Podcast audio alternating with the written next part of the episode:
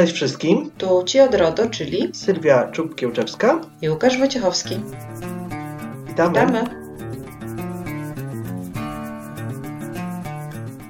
Dzień dobry, witaj Sylwia.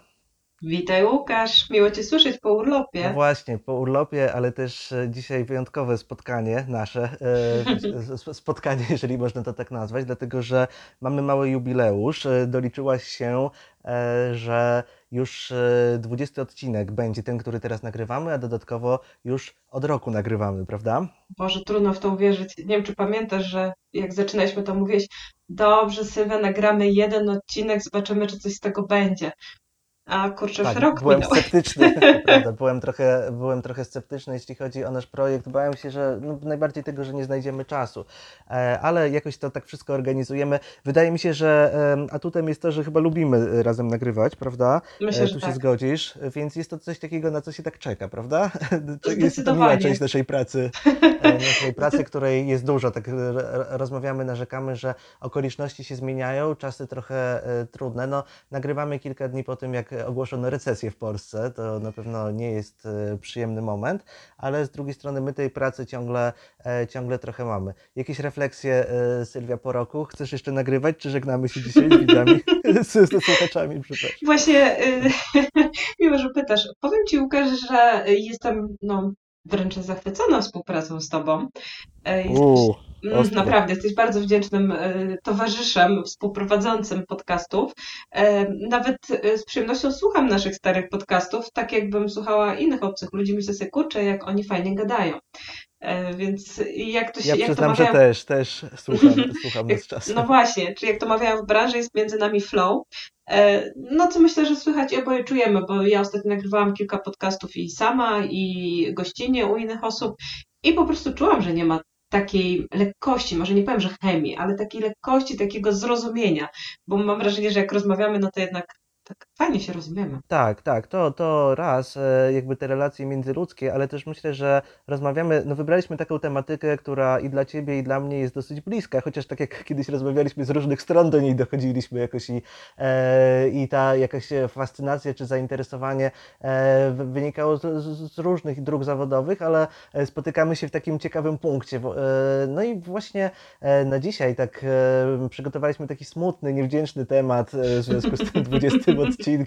E, Temat, który e, ja tak chciałem go od dłuższego czasu z Tobą poruszyć, natomiast no, ciągle, ciągle były jakieś inne i ciągle to odwlekałem, bo tak zastanawiam się, co nam z tego wyjdzie. Otóż chciałbym, żebyśmy porozmawiali o naruszeniach. E, Naruszeniach przede wszystkim nie po to, żeby ponarzekać, ile to jest tych naruszeń i że one w ogóle są, ale bardziej chciałbym z Tobą porozmawiać o kwestii zgłaszania tych naruszeń do prezesa UODO. No, może powiem Ci dlaczego. Przede wszystkim dlatego, że ciągle, ciągle mm, jak e, pojawiają się u mnie nowi klienci, jakieś nowe osoby, czy ktoś mnie poleca, to bardzo często pierwsze pytanie jest takie, coś się stało, ale czy ja to muszę na pewno zgłaszać? E, W domyśle, że nie chcę tego robić, czy uważam, że to będzie problem, że to e, może mieć dla mnie jakieś negatywne konsekwencje. E, No i jest takie podejście. I takie pierwsze pytanie do Ciebie, uważasz, że słusznie? Czy przesadzają, czy Od razu z grubej dalsze- rury widzę. Z grubej na początek, już potem będzie lżej. Czy to nie jest tak, żeby zgłaszając budujemy razem system ochrony danych osobowych, mamy wiedzę na temat tego, jakie są te naruszenia, co było źle u sąsiada, to u mnie będzie może dobrze. No jak, jak Ty to widzisz?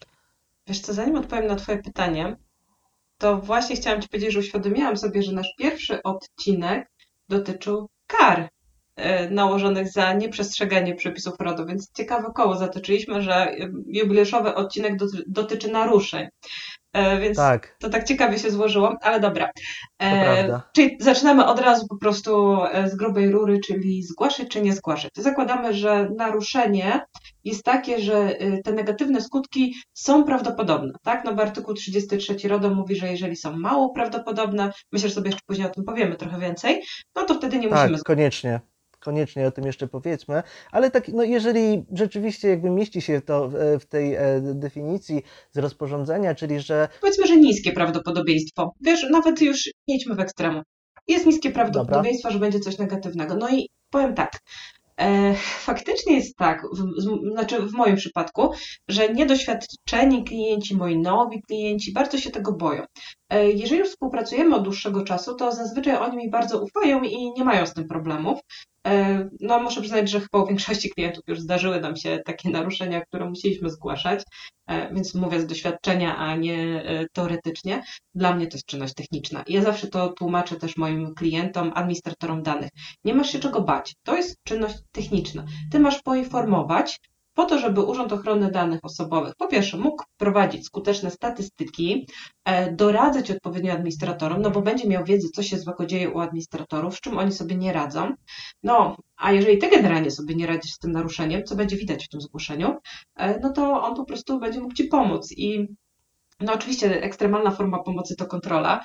E, no jednakże z mojego doświadczenia wynika, że, znaczy powiem tak, żaden z moich klientów na skutek zgłoszenia naruszenia nie miał kontroli. To może od tego zacznijmy. Pewnie nawet na skutek zgłoszenia kilku naruszeń nie miał kontroli, nie prawda? Miał. Tak, możesz, tak można powiedzieć, więc e, też nie, nie jest to jednoznaczne, prawda? To, to o, tym trzeba, o tym trzeba powiedzieć, bo e, też tak trochę Ci wejdę w słowo, ale generalnie to ja rozumiem e, taką postawę tych osób, ale też trochę takie patrzenie jeszcze z czasów GIODO. No, czy, wtedy był dylemat, czy zgłaszać zbiory danych, szczególnie zbiory danych wrażliwych, no prawda? Tak. No bo tak, nie, nie zgłoszę, no to sąsiad też nie zgłasza, w moim miasteczku nikt nie zgłosił, no to się odczepią. Jak zgłoszę, no to u nas niestety jest stacja kolejowa, mogą przyjechać, bo oni jeździli tylko pociągami, prawda, na te kontrole. Eee, mhm. Nie, to już złośliwie mówię. Podobno najwięcej kontroli było właśnie w dużych miastach typu Kraków, Poznań, Wrocław. To ciekawa uwaga. W miejscowościach atrakcyjnych turystycznie z, z dostępem do, do, do kolei. Tak, to też słyszałem, ale mm, je, ja bym powiedział tak. E, no, e, rzeczywiście troszeczkę ściągamy na siebie uwagę urzędu, ale e, kwestia zgłaszania naruszeń jest na tyle masowa, że też nie jest łatwo tak tą uwagę urzędu na siebie, na siebie zwrócić, prawda? No, nawet, nawet jak będziemy się tego domagać, chociaż, chociaż nie, nie, nie chcemy, no to takie zgłoszenie nie oznacza kontroli, to na pewno, ale z drugiej strony mm, tak, jeżeli my tego nie zgłaszamy, to też jest jakiś rodzaj zaniechania, prawda, bo mamy taki obowiązek, czyli żyjemy E, w, mm, w, sytuacji, w której łamiemy e, przepisy prawa, prawda? E, I to też jest niekomfortowa sytuacja. To może kiedyś wyjść, a może ktoś kiedyś nas zgłosi właśnie tą skargą po, i, i może wtedy dostaniemy karę. Więc tutaj ten, ten, ten, ten, ten kij ma dwa końce, ale zgodzimy się chyba co do tego, że zgłaszania się nie ma też tak, tak bardzo co bać, zwłaszcza, że jest to czynność dosyć prosta, prawda? Czynność jest dosyć prosta, poza tym jeżeli masz inspektora ochrony danych, no to on przygotuje Ci to zgłoszenie, pomoże Ci je wypełnić, oczywiście to ty jako administrator zgłaszasz e, i w zasadzie nie ma z tym mm, żadnego problemu. E, zastanawiam się, czy e, może nad tym, że warto powiedzieć o tych kontrolach Urzędu Ochrony Danych.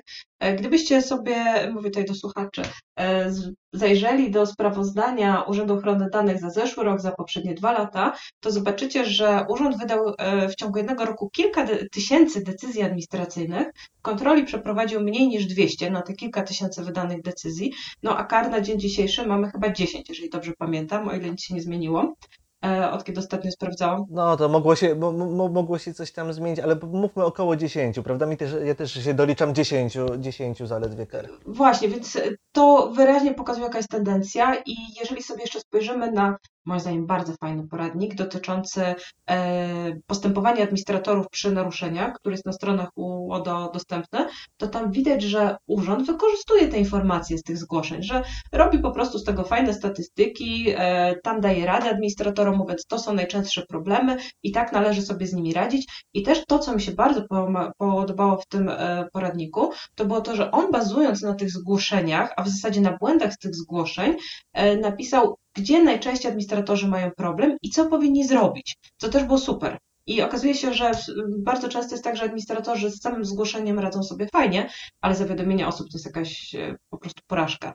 I e, no, bez tych statystyk myślę, że urząd by tego nie wiedział, a jakby na to nie patrzeć na koniec dnia, no liczy się ta osoba, której dane dotyczą, czyli ta osoba, której dotyczyło naruszenie, no i. Tak, po to jest RODO, po to jest. no wszystko. właśnie, więc po to jest też to zgłoszenie. Ale tak powiedzieliśmy, że się nie kończą kontrolą. Znamy jeden haniebny przykład, gdzie faktycznie było tak, że zgłoszenia skończyły się kontrolą. Wiesz o tym. A, tak, wiem o którym mówisz, tak, tak. E, to, to fakt, chociaż e, no nie wiem, możemy powiedzieć, że znamy wszystkie okoliczności, bo być może, może być może ta kontrola była spowodowana też jakimiś innymi czynnikami. Może jakimiś skargami, no tak wiesz co, albo skargami, ale może też z drugiej strony, że po prostu musieli jakiś, no bo to powiedzmy dotyczy podmiotu administracji publicznej, może oni tak statystycznie musieli wyrobić jakiś podmiot administracji publicznej, dlatego że tam było dużo zgłoszeń naruszeń, no to może dlatego pojechali tam, prawda? A być może w innej sytuacji by nie pojechali. No nie, nie wiemy tego. E, ja, ja może wyjaśnię dlaczego e, naszym słuchaczom, dlaczego mówisz, że haniebny. Dlatego, że my też jako e, specjaliści od ochrony danych osobowych mówimy ludziom na szkoleniach, słuchajcie, zgłaszajcie. To nie jest tak, że e, będą za to jakieś negatywne konsekwencje, zgłaszajcie dla swojego dobra, dla dobra całego systemu. No i potem my wychodzimy na idiotów, prawda? Jeżeli, e, jeżeli my mówiliśmy zgłaszajcie, a okazuje się, że ci, którzy zgłosili, mają przez to jakieś problemy. Znaczy, ktoś może do nas wrócić i powiedzieć, że pan powiedział, żeby zgłaszać i ja mam teraz tutaj kłopot przez pana, prawda? E, czy panią. Dlatego, dlatego mówisz, że, że, że haniebny, ale na szczęście tych przykładów się bardzo dużo nie namnożyło, prawda? E, takich sytuacji, że po zgłoszeniu, że, że, że po zgłoszeniu poruszyłaś kwestię informowania osób. Ja się przestraszyłem, czy o tym może oddzielnego podcastu nie zrobić, bo jest to bardzo szeroki temat. Myślę, że ale... możemy do tego wrócić. Wiesz, ty, dzisiaj skupmy się na naruszeniach, bo faktycznie to też jest o, obszerny temat, a zawiadomienia osób zrobimy e, kolejnym Tak, razem. bo chyba, chyba nie damy rady za, za, za jednym razem. Y, ja mogę tak jakby za, za, zamknąć temat y, na, na, na, etapie tego odcinka, że proszę pamiętać, że w RODO chodzi i generalnie w ochronie danych osobowych chodzi o to, że na pierwszym miejscu są osoby fizyczne, ludzie, tacy jak Sylwia, ja i to y, nasze prawa mają być chronione i tak musimy patrzeć nie na urząd, nie na tabelę, czy jakiś tam schemat zgłaszania, formularz, tylko patrzeć na ludzi, dlatego to, to, dlatego to informowanie osób jest, e, jest e, takie ważne. E, Sylwia, chciałbym Cię zapytać o jeszcze jedną rzecz, bo zasadniczo nikt nie ma problemu z tym, żeby zgłaszać naruszenia poufności, prawda? Bo zgłaszanie naruszeń opiera się, no to tak jak RODO i tak jak... Oj, wiesz co, nie zgadzam się z Tobą. Jak to nikt nie ma problemu, żeby zgłaszać? Na sam początku, wiesz, ja wiem do czego Ty zmierzasz, ale myślę, że słuchacze mogą to odebrać nie tak, jakbyś chciał. Generalnie... No w jednej czwartej zdania mi przerwałaś. No, wiesz, no uwielbiam to robić. Dobra, jeszcze raz. Powiedz, przepraszam. E, zaczekaj, zaczekaj. E, chodzi mi o to, że. Z tych, co zgłaszają, a może z tych, co nie boją tak, się zgłaszać. Dobrze. tak, z, z, tych zgłaszających. Znaczy inaczej, nikt nie ma wątpliwości, że jeżeli dochodzi do naruszenia poufności i on takich zgłoszeń dokonuje, czyli jest gotowy dokonać, no to, że, że poufność, no dobra, wyciek jakiś tutaj, ktoś ukradł dane, no to ja to robię. No ale mamy też kwestię dostępności i integralności. To jest e, jakby ten drugi i trzeci atrybut związany z RODO, związany z ISO. E, no i e, tutaj tutaj pojawiają się problemy. Nie wiem, czy masz taką sytuację, e, taki telefon chociaż raz e, w tygodniu, tak jak w moim przypadku, nie było prądu, czy ja mam to zgłosić, prawda, jako naruszenie. No, a kiedy tego prądu nie było? No, czasem nie było w nocy, ale czasem w dzień, prawda, czasem ktoś coś chciał. No albo kwestia tego, że E, no, rzeczywiście przez pomyłkę tam coś pozmienialiśmy w bazie danych, ktoś wykasował 20 adresów, no ale mieliśmy to też na, wydrukowane w teczuszce, ktoś wpisał z powrotem, czy my to mamy zgłosić, prawda, e, czy mamy nie zgłosić. Dużo, dużo, dużo jest takich wątpliwości, e, czyli może porozmawiajmy przez chwilę dosłownie o każdym z tych rodzajów naruszeń. To zacznijmy może od poufności, powiedz, miałaś jakieś problemy poza osobami, które po prostu nie chcą zgłaszać naruszeń, jakieś wątpliwości co do tego, że był wyciek i czy to zgłaszać, czy nie? Czy raczej to jest oczywiste? Bo u mnie jakoś problemów nie było. E, u nas po, naruszenie poufności polegało zazwyczaj na ujawnieniu e, takim przypadkowym danych osobowych innym osobom, czyli najczęściej wiesz, w masowej wysyłce maili e, no, w sposób niezgodny tak, z przyjętymi zasadami, procedurą. Faktura do niewłaściwego klienta. No właśnie, tego typu tak. rzeczy. Czy tutaj był problem? Wiesz co, problem był w jednym przypadku w zakresie poziomu ryzyka. Bo wiesz, artykuł 33 mówi bardzo mało prawdopodobne. I mhm. tutaj bardzo często administrator dąży do obniżenia ryzyka mówiąc, że to moje oszacowanie na przykład no, jest niewłaściwe, bo on uważa, że ono jest jednak, y, to ryzyko jest niższe, że te skutki negatywne y, wcale, wiesz, nie są prawdopodobne i tak dalej. I tutaj bardzo często jest dyskusja i oczywiście na koniec nie uważam, że to administrator ma rację, jestem tylko od tego, żeby mu doradzać, e, więc faktycznie chyba nawet raz się zdarzyło, że administrator mnie przekonał, bo podjął pewne działania już po naruszeniu, które no moim zdaniem rzeczywiście skutecznie e, no, wykluczyły wręcz to ryzyko, tak? Gdzie e, myślę, że to tak jakby to, że on miał tę świadomość konieczności zgłoszenia, czyli tych negatywnych konsekwencji, pchnęło go do pewnych działań, które faktycznie sprawiły, że to naruszenie udało się tak jakby zdusić w zalążku. Ale co do zasady przypłowności, tak jak mówisz, no nie ma problemu, bo wiesz co, bo administratorzy się boją tego, że to może gdzieś zostać upublicznione. No i to jest, y, że, że słusznie się boją, bo to jest jakby największe prawdopodobieństwo tego, że to zostanie upublicznione, prawda? No bo e, czy, czy też e, ktoś złoży no, no, po prostu skargę. Znaczy oni się, wiesz, nawet nie tyle urzędu boją, co się boją, że to może gdzieś medialnie pójść, że klienci mogą się dowiedzieć, że osoby, których dane dotyczą się dowiedzą. Wiesz o co chodzi, że to tak wizerunkowo bardzo źle e, zostanie o, odebrane. Tak, tak jak mówiłem, jeśli chodzi, jeśli chodzi o poufność, to jakby z jednej strony najłatwiej jest przekonać klienta, że warto zgłosić, prawda? Bo tutaj e, to, co mówisz, te kwestie wizerunkowe, ale też kwestia tego, że jeżeli e, bezpośrednio e, no, ktoś na przykład no, dowiaduje się, że E, jego dane osobowe poszły do kogoś innego, ten, ten ktoś jakby ma teraz wiedzę e, dotyczącą tego, gdzie ten ktoś mieszka, jakie tam usługi kupował na przykład i tak dalej, no to e, tutaj jakby to najbardziej działa na wyobraźnię, że to mogą być jakieś konsekwencje. Natomiast trudniej jest o wiele generalnie rozmawiać z osobami, które mają te naruszenie zgłaszać, czy też rozmawiać na temat naruszeń dotyczących integralności i dostępności. Jeśli chodzi o integralność, to mogę Ci powiedzieć jako ciekawostkę, że E, kiedyś na stronie prezesa Łodo, na samym początku, jak, jak, jak, jak weszło RODO, jak pojawiła się ta strona, no pojawiły się takie wartościowe informacje na temat zgłaszania naruszeń. E, to było I fajne. przykłady. Właśnie, ale e, widziałem, że ktoś przygotował to solidnie, tylko nie miał takiego, jak to ty mówisz, flow, czy nie miał jakiegoś takiego dobrego dnia, jeśli chodzi o przykłady. No i właśnie na, na, przykład jakby naruszenia integralności danych to był taki, że tam pracownik dla żartów dopisywał jakąś literę do każdego tak. nazwiska. Ja sobie pomyślałem, no Boże, no, różnych ludzi nie mów, że ci się coś takiego zdarzyło. Nie, nie, nie, nie. I powiem Ci, że nie wyobrażam sobie i na, na, naprawdę, tak jak już e, no, wiele lat się tym zajmuję, na różnych krańcach Polski byłem, no nie, nie, nie, nie wyobrażam sobie takiej, być może gdzieś była, ale... Może było to e, było i z doświadczenia dali ten przykład. Tak, że może jakiś tam starzysta podopisywał, podopisywał e, litery, a przykłady integralności no, są o wiele lepsze. Na przykład zdarza się to, że dwie osoby w bazie danych mają tak samo na imię i nazwisko, prawda? Ja sam spotykałem się z tym, że w przychodni E, lekarz zaczął wpisywać nie do tej karty, co trzeba, no bo tam pani z recepcji się pomyliła, dała mu nie tą kartę, no bo dziecko się podobnie nazywało, no i tam w tym samym roku. Nie mówię, że moje dziecko, ale e, znam, znam taki przykład. E, Numery telefonów w szpitalach często są źle wpisywane, nie do tych osób. To mojemu bratu się ostatnio tak zdarzyło właśnie, że pomylili go z innym.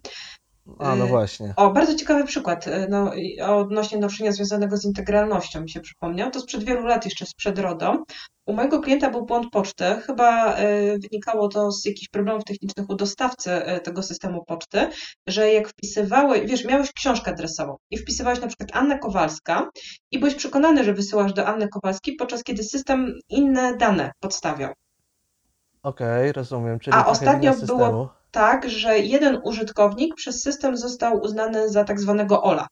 I gdy ktoś do niego pisał na jego adres e-mail, to wiadomość szła na Ola. I to też był błąd systemo systemowy. Nie, że tam, wiesz, informatyk coś źle ustawił, że zrobił przekierowanie, tylko autentycznie po prostu błąd programu pocztowego, który tak w książce adresowej to ustawiał. I wszyscy pracownicy musieli ręcznie to przestawiać u siebie. Okej, okay, rozumiem. Czyli Ale to, to jest też... problem, e, słuchaj, z integralnością. I to spory, który może doprowadzić do naruszenia poufności. E, tak, właśnie, bo e, też e, pamiętajmy o tym, że chociaż jest taki podział na te, na te trzy, jak to ja mówię, atrybuty, to on to się może rozlewać i może to doprowadzić właśnie z integralności do poufności, z dostępności też czasem do, do, do poufności. No właśnie. E, więc... Na przykład, co Ty dałeś ze szpitalem, jeżeli pomylimy dane pacjentów, no to jak da, wydamy im jakieś dokumenty, no to oni dostaną nie swoje dane, prawda? Więc ta integralność tutaj tak jakby mm, taki efekt ale to nie, to, to, to, Tak, tak, Daj. ale to ten mhm. przykład nie dotyczył, ten pacjent nie dostał tych danych, tylko lekarz wpisał mm, jakby informacje medyczne nie do tej karty, co trzeba. No ale docelowo taki... to gdzieś może trafić, nie? No tak, tak. Gdyby on kiedyś wystąpił o tą dokumentację medyczną, zgodnie z RODO może to nawet zrobić bezpłatnie jeden raz, prawda? Więc e, tutaj, tutaj, e, tutaj jak najbardziej. Czyli mamy, mamy tą poufność, mamy e, integralność, ale na koniec zostawiłem. Ale zaczekaj, taki... integralność w ogóle zgłaszałeś kiedykolwiek? Naruszenie dotyczące integralności zdarzyło Ci się kiedykolwiek zgłaszać do WODO albo spotkałeś się z takim zgłoszeniem? Wiesz co, zdarzyło mi się raz, to znaczy nie jakby rekomendować klientowi i wesprzeć go w tym, ale sytuacja była na tyle specyficzna, że nie chciałbym o tym mówić, bo mogłoby to. Mm, Okej, okay, dobra. E, e, ale tak, tak, ale e, wiesz, to, to właściwie potwierdza no to, co tak chyba chciałaś pokazać tym pytaniem, że to jest dosyć rzadko, bo mi się, mnie się zdarzyło raz to, więc, więc jest to no, raz, czyli równie dobrze mogło być zero, prawda? Więc I raczej wiesz, mało. a też powiedz mi, czy to było czyste naruszenie związane z integralnością, czy doszło do niego, doszło też do naruszenia poufności? E, doszło do naruszenia poufności, ale tak jakby w konsekwencji. No właśnie, czyli ja też Już się spodziewam. Trudno jest mi sobie wyobrazić naruszenie związane z integralnością, które naprawdę mogłoby mieć negatywne skutki. Znaczy, mi jest trudno wyobrazić, ale może właśnie w jakichś dużych podmiotach publicznych, gdzie to może jakoś wpłynęłoby na tą osobę, że decyzja byłaby wydana jakaś negatywna, albo leki pomieszane, to może, ale co do zasady to jest rzadka sytuacja, nie? Poza tym też to należy ta staranność, że jednak ludzie, którzy e, te dane osobowe wpisują, no jednak starają się dwa razy sprawdzić, więc to też nie są częste przypadki. Tak, no szczególnie w służbie zdrowia, co by, co by nie mówić, te błędy się zdarzają, ale też tam no, raczej dba się o to, żeby nie mylić pacjentów, prawda, czy nie, nie, myli, nie mylić dokumentacji. Czy dokumentacji, w urzędach, prawda, tak samo, więc to, to nasza staranność no, jest. Zdecydowanie, tak, więc tutaj jakby, e, jakby to, nie, to, to nie jest najgorsze. E, no i zostaje nam e, kwestia tej dostępności, to jest taka śmierdząca sprawa, dlatego tak jakby zostawiłem, zostawiłem na koniec. Zresztą dlatego, że moim zdaniem, znaczy tak z mojego doświadczenia, najwięcej jest y, wątpliwości w takich sprawach bardziej błahych. E, to znaczy nie, nie mówimy o tym, że na skutek naruszenia ktoś tam umarł, czy poniósł jakąś taką stratę, e, stratę fizyczną, no ale O, to dam tak, Ci że... przykład sprzed wielu lat mhm. i powiedz mi, czy Twoim zdaniem to byłoby naruszenie wymagające zgłoszenia do łodo? Skoro, bo to właśnie może będzie, bo tutaj są ciekawe konsekwencje. Dobra, e... dobra. Dział IT przez przypadek, powiedzmy pracownik działu IT przez przypadek coś zrobił w systemie i wykasował wszystkich użytkowników Active Directory w dużym urzędzie. Powiedzmy, że było ich 300. E, wykasowanie użytkowników Active Directory spowodowało, że nie, mogli, nie mieli oni dostępów do swoich komputerów, bo nie mogli się zalogować na nie, czyli nie mieli dostępu do plików, na których pracowali, nie mogli wydawać decyzji itd. Tak i nie mieli dostępu do poczty. E, awaria trwała 3 dni. Ale to byli pracownicy, czy to byli yy, no wszyscy, Żaden z pracowników przez trzy dni nie miał dostępu do e, swoich dokumentów, do systemów, do poczty internetowej. Czy to Twoim zdaniem jest naruszenie dostępności, które wymagałoby zgłoszenia do łodo. Jeżeli było tylko tak, że ci pracownicy nie mieli dostępu i jakby to była sprawa wewnątrz urzędowa, to uważam, że nie jest to naruszenie e, dostępności podlegające zgłoszeniu, ale jeżeli na tym, że nie było tego dostępu ucierpiały osoby trzecie, jakby Ale to jest urząd, to jest urząd, on jest dla ludzi, no, tak? Nie no dla siebie. Więc e, wiesz, ja on przyjmuje informacje i wyrzuca z siebie informacje. Więc jeżeli trzy dni nie mieli dostępu, nie mogli wydawać decyzji, nie mogli odbierać poczty i tak dalej, to czy ten brak dostępności, y, te skutki, wiesz, braku dostępności, przesunięcie tych decyzji, y, odpowiedź z opóźnieniem, to Twoim zdaniem są wystarczająco negatywne skutki, żeby podlegało to zgłoszeniu? jeżeli, jeżeli były takie skutki dla tych osób korzystających z urzędu, to jak najbardziej podlegające. Jeżeli to by było tak, że na przykład była ta awaria, ale to się wydarzyło e, w długi weekend majowy. Nie, kiedy powiedzmy, że tak w tygodniu, wszyscy, tak sobie no, zróbmy, wiesz. Ale jeżeli, dobra, w tygodniu i na przykład na skutek tego nie została wydana jakaś decyzja, na którą ktoś czekał i poniósł straty, no to jak najbardziej książkowy przykład do zgłoszenia. Tylko jak to ocenić? Wiesz o co chodzi, bo to jest takie, e, powiedzmy tak, są te trzy dni, ty jesteś odizolowany od świata. To może się zdarzyć w każdej firmie w dzisiejszych czasach, bo jesteśmy mocno skomputeryzowani. Nie masz internetu, nie masz prądu, jesteś tak, odcięty od świata. Może się zdarzyć, oczywiście. I ty fizycznie przez te trzy dni, czyli to są 72 godziny, nie wiesz, na ile te skutki są negatywne dla tych ludzi, bo nie masz dostępu do tych danych. Zgłaszać czy nie zgłaszać? Ale, no mówisz na przykład o decyzjach administracyjnych, no to tutaj możesz przeanalizować, jaki, były, jaki był termin wydania, nie? Czy, tam, czy, czy przez to e, może coś nie zostało wydane w terminie, na przykład. E, to już tak sobie gdybam, ale wydaje mi się, że e, no tak uporządkujmy to. Trzeba by dokonać jakiejś takiej nawet pobieżnej oceny, na ile. No z tego co mówisz, to jednak tutaj osoby fizyczne, no istnieje duże, duże prawdopodobieństwo, że ucierpiały. Jeżeli to jest duży urząd i on nie pracował przez trzy dni, jeszcze mówisz robocze, kiedy tam normalnie by, normalnie by ludzie korzystali z tego, także ja bym to zgłosił. E, prawdopodobnie, chyba żeby się... Znaczy okazało... rekomendowałbyś administratorowi zgłoszenie, a gdyby tak. to było w weekend, to y, prawdopodobieństwo, żebym rekomendował, zmalałoby o 66%. E, czyli. E, Adekwatnie do tych wolnych dni. Tak, tak, że zastanowiłbym się, na ile przez ten jeden dzień ktoś mógł ucierpieć. I e, bo e, ciągle jakby wracamy do tego punktu, że e, to nie chodzi o to, na ile to było spektakularne, prawda? Na ile to było trudne dla pracowników, na ile to zatrzymało pracę jakiegoś urzędu. To nie ma kompletnie żadnego znaczenia, bo w RODO nie ma o tym ani słowa. Natomiast jeżeli to w jakikolwiek sposób mogło zaszkodzić osobie fizycznej, jest prawdopodobieństwo, że zaszkodziło, zgłaszamy. E, zobacz, e, że przy każde naruszenie, nawet jeżeli jest podobne do poprzedniego, trzeba bardzo indywidualnie rozważyć. I może się okazać, powiedzmy, że oni mają jakieś plany ciągłości działania i tak dalej, i w momencie, kiedy e, ta dostępność była zachwiana, to i tak oni byli w stanie w jakiś sposób te najważniejsze tematy wypchnąć, tak? Czyli pomóc tym ludziom, wydać decyzje, mimo tego, że nie mieli dostępu do systemów komputerowych, i nie, nie doszłoby do tych negatywnych skutków.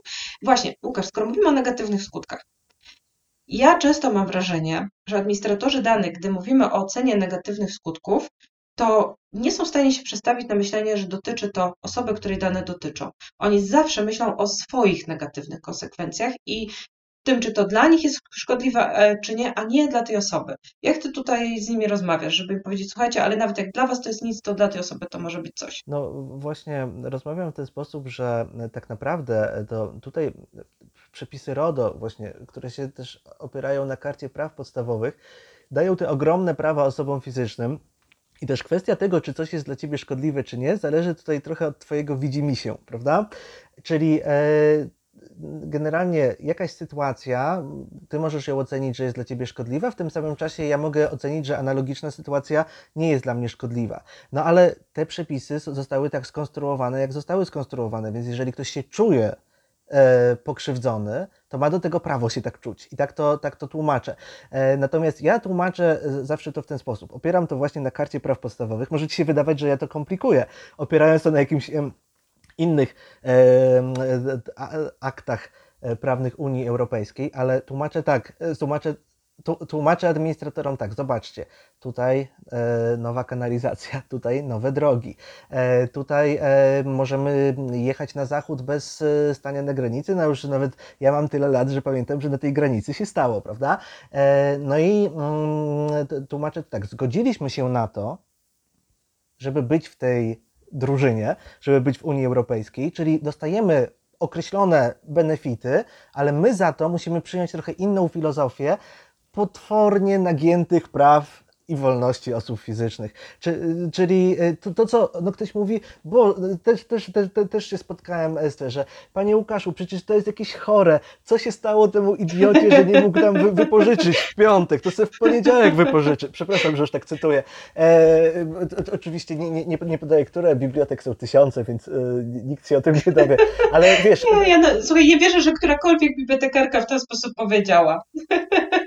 Wierz mi, że, powiedzia, e, że powiedziała, e, jeszcze kobieta, ale e, i, i, w ten sposób rozmawialiśmy. I ja, ja, nawet wierzę tej pani, że ten ktoś jest idiotą, przepraszam, Dobra. że tak mówię. Ja nawet wierzę, wierzę, że to tak wygląda, ale ten ktoś ma prawo czuć się pokrzywdzony, bo jesteśmy w Unii Europejskiej i na taki system prawny się zgodziliśmy. I ja to mniej więcej tak tłumaczę, czyli nawet jeżeli to jest absurdalne, bo są w Unii Europejskiej kwestie absurdalne, zawsze były, prawda? I czy jakieś nadmierne regulacje i można to tym żonglować, znajdować i tak dalej. No ale mówię, no dobra, jechałeś nad morze, to była droga właśnie dofinansowana. Tutaj mamy, mamy szczególny status, jesteśmy w Unii Europejskiej, ale no, musimy się zgodzić na to, że każdy może się czuć pokrzywdzony tym, na co ma ochotę. Dlatego jakby ta, ta interpretacja musi być bardzo, bardzo taka mm, szeroka i bolesna dla administratora. Natomiast jeżeli administrator myśli, czy to jest dla niego niekorzystne, czy dla osoby fizycznej, no to trzeba go szybko jakoś tak nawrócić, bo znaczy, to znaczy, że nie rozumie generalnie przepisów, yy, przepisów RODO. No i wracamy do początku, prawda, do definicji, do tego, dlaczego jest RODO. I, E, niestety trzeba, trzeba, trzeba wrócić do początku, bo naruszenia to już jest, robi się wtedy kwestia dla bardziej zaawansowanych. Łukasz, ja bym Ci chciała jeszcze pociągnąć e, chwilę za język. E, chodzi mi o ocenę ryzyka naruszenia. Bo wiesz, my sobie mówimy o zgłoszeniach i tak dalej, jak namawiać administratorów, ale nie oszukujmy się, dla wielu osób, inspektorów ochrony danych, administratorów, ta ocena ryzyka naruszenia to jest problem. Po pierwsze dlatego, że no, mamy problem, żeby myśleć o tych osoba, których dotyczyło naruszenie, a nie o sobie. A po drugie, dlatego, że tak naprawdę no nie ma żadnego oficjalnego narzędzia, które służyłoby nam do oceny tego ryzyka. Czyli robimy to trochę intuicyjnie, trochę w oparciu o jakieś poradniki, w oparciu o jakieś wzory, które są dostępne także na naszych blogach. E, ty powiedziałeś, że się opierasz na karcie podstawowej praw człowieka. Powiedz, e, jak ty to robisz? Dochodzi do naruszenia i jak ty dokonujesz oceny ryzyka naruszenia? No, tak, e, jeśli mam być szczery, to ja przede wszystkim przyjąłem taki mm, jeden, jeden zasadniczy podział, który e, też e, pojawia się w tych różnego e, rodzaju oficjalnych rekomendacjach, przede wszystkim prezesa urzędu. Jeżeli jest tak, że mamy do czynienia z naruszeniem dotyczącym tych szczególnych kategorii danych, to e, od razu jakby zakładam, że sprawa jest trudna i e, tutaj najprawdopodobniej będą naruszone prawa i wolności osób fizycznych. E, I jakby tej wersji się trzymam. Jeżeli zostawimy dane e, szczególne i spojrzymy sobie na, na zwykłe kategorie danych, to y, przyznam szczerze, że czasem y, zalecam administratorowi, żeby posługiwać się dostępnymi w tym zakładzie pracy e, czy w tym podmiocie metodami, technikami analizy ryzyka, e, czyli tro, trochę, żeby wykorzystać e, przyjmowaną metodykę i zachęcam do tego, żeby udokumentować ten, ten proces, czyli zrobić sobie albo w formie takiej tabelki, albo w formie analizy SWOT, albo w formie jakiegoś jakiegoś takiego krótkiego wypracowania, przedstawić, ważyć te argumenty, dlatego że nie powiedzieliśmy jeszcze o jednej rzeczy, że jeżeli my nie zgłaszamy naruszenia, to nie znaczy, że nie mamy go udokumentować, prawda? Bo musimy prowadzić wewnętrzny rejestr naruszeń. I co, I co to oznacza? Y, że jeżeli my za kilka lat nawet, y, zresztą y, chyba Ty mi o tym kiedyś powiedziałaś i tak mi otwarłaś oczy, jeśli dobrze pamiętam, że teraz mówiłaś, teraz wszystko pamiętasz, za jakiś czas możesz nie pamiętać, a sprawa może wrócić, prawda? To na pewno I, moje słowa. Tak, tak, to, to tak, tak mi się wydaje. I tutaj ja zawsze rekomendowałem każdemu, żeby zrobić taką tabelkę, prawda? No, taki wewnętrzny rejestr i on on też nie jest zły oczywiście, ale w niektórych przypadkach trzeba jednak e, troszeczkę dłużej coś opisać. E, zastanowić się na papierze albo skorzystać z metodyki analizy ryzyka. Niektórzy też mają rozbudowaną ocenę skutków i z tego korzystają. E, albo jeszcze z czegoś innego, ale żeby udokumentować to, że my się nad tym zastanawialiśmy, ważyliśmy te racje. Nie wiem, czy o to chodziło w Twoim pytaniu, ale tak to u mnie, przyznaję szczerze, wygląda. Powiem Ci tak, ja y, jestem fanką rozwiązania w postaci sprawozdania naruszenia i u mnie każde naruszenie, u każdego z administratorów, z, y, z którymi współpracuję, kończy się po prostu takim sprawozdaniem. Ono czasami jest bardzo krótkie, czasami jest długie, zależy po prostu jakie było naruszenie i ta ocena ryzyka. I właśnie załącznikiem do tego sprawozdania jest ta ocena ryzyka naruszenia, czyli każde, nawet malusieńkie naruszonko, gdzie to prawdopodobieństwo tych negatywnych skutków jest bardzo mało prawdopodobne, zawsze kończy się sprawozdaniem. E, no i to też jest fajne, bo ludzie się przyzwyczajają do tego, jest jakiś standard. Jeżeli chodzi o cenę ryzyka, wiesz co, ja powiem tak, e, fajnie jest, jeżeli administrator ma dobre narzędzia do tego, e, szczerze mówiąc, powinien mieć, bo jak spojrzymy sobie na przepisy RODO, to on powinien mieć jakąś procedurę postępowania przy naruszeniach i w tym także procedurę dotyczącą analizy ryzyka, ale wiemy, że w praktyce z tym różnie bywa. Tak, Fajnie tak, jest, jeżeli. No właśnie, jeżeli, i często jest też tak, że narzędzie, które on ma, jest y, nigdy nie używane. Wiesz o co chodzi? On sam nie wie, jak ono działa. E, a ja nie będę tracić czasu na to, żeby się z nim zapoznać i, i po prostu zrobić to zgodnie z tym, że co ktoś mu wymyślił, bo czasami tak jest, że jakąś analizę, w sensie jakąś procedurę, którą ktoś mu wymyślił. E, bardzo często się też tak zdarza, jeżeli wchodzę do klienta, którego nie znam, e, że ta analiza na przykład jest połowiczna, on dostaje pół procedury. To jest w ogóle jakiś absurd. Czyli nie dostaje całej, tylko pół. Na przykład tylko tabelę, do której nie ma objaśnienia, jak to należy wyliczać, jaka jest skala przyjęta i tak dalej. Wtedy ja po prostu stosuję swoje narzędzia. Mówiłeś o zaleceniach UODO.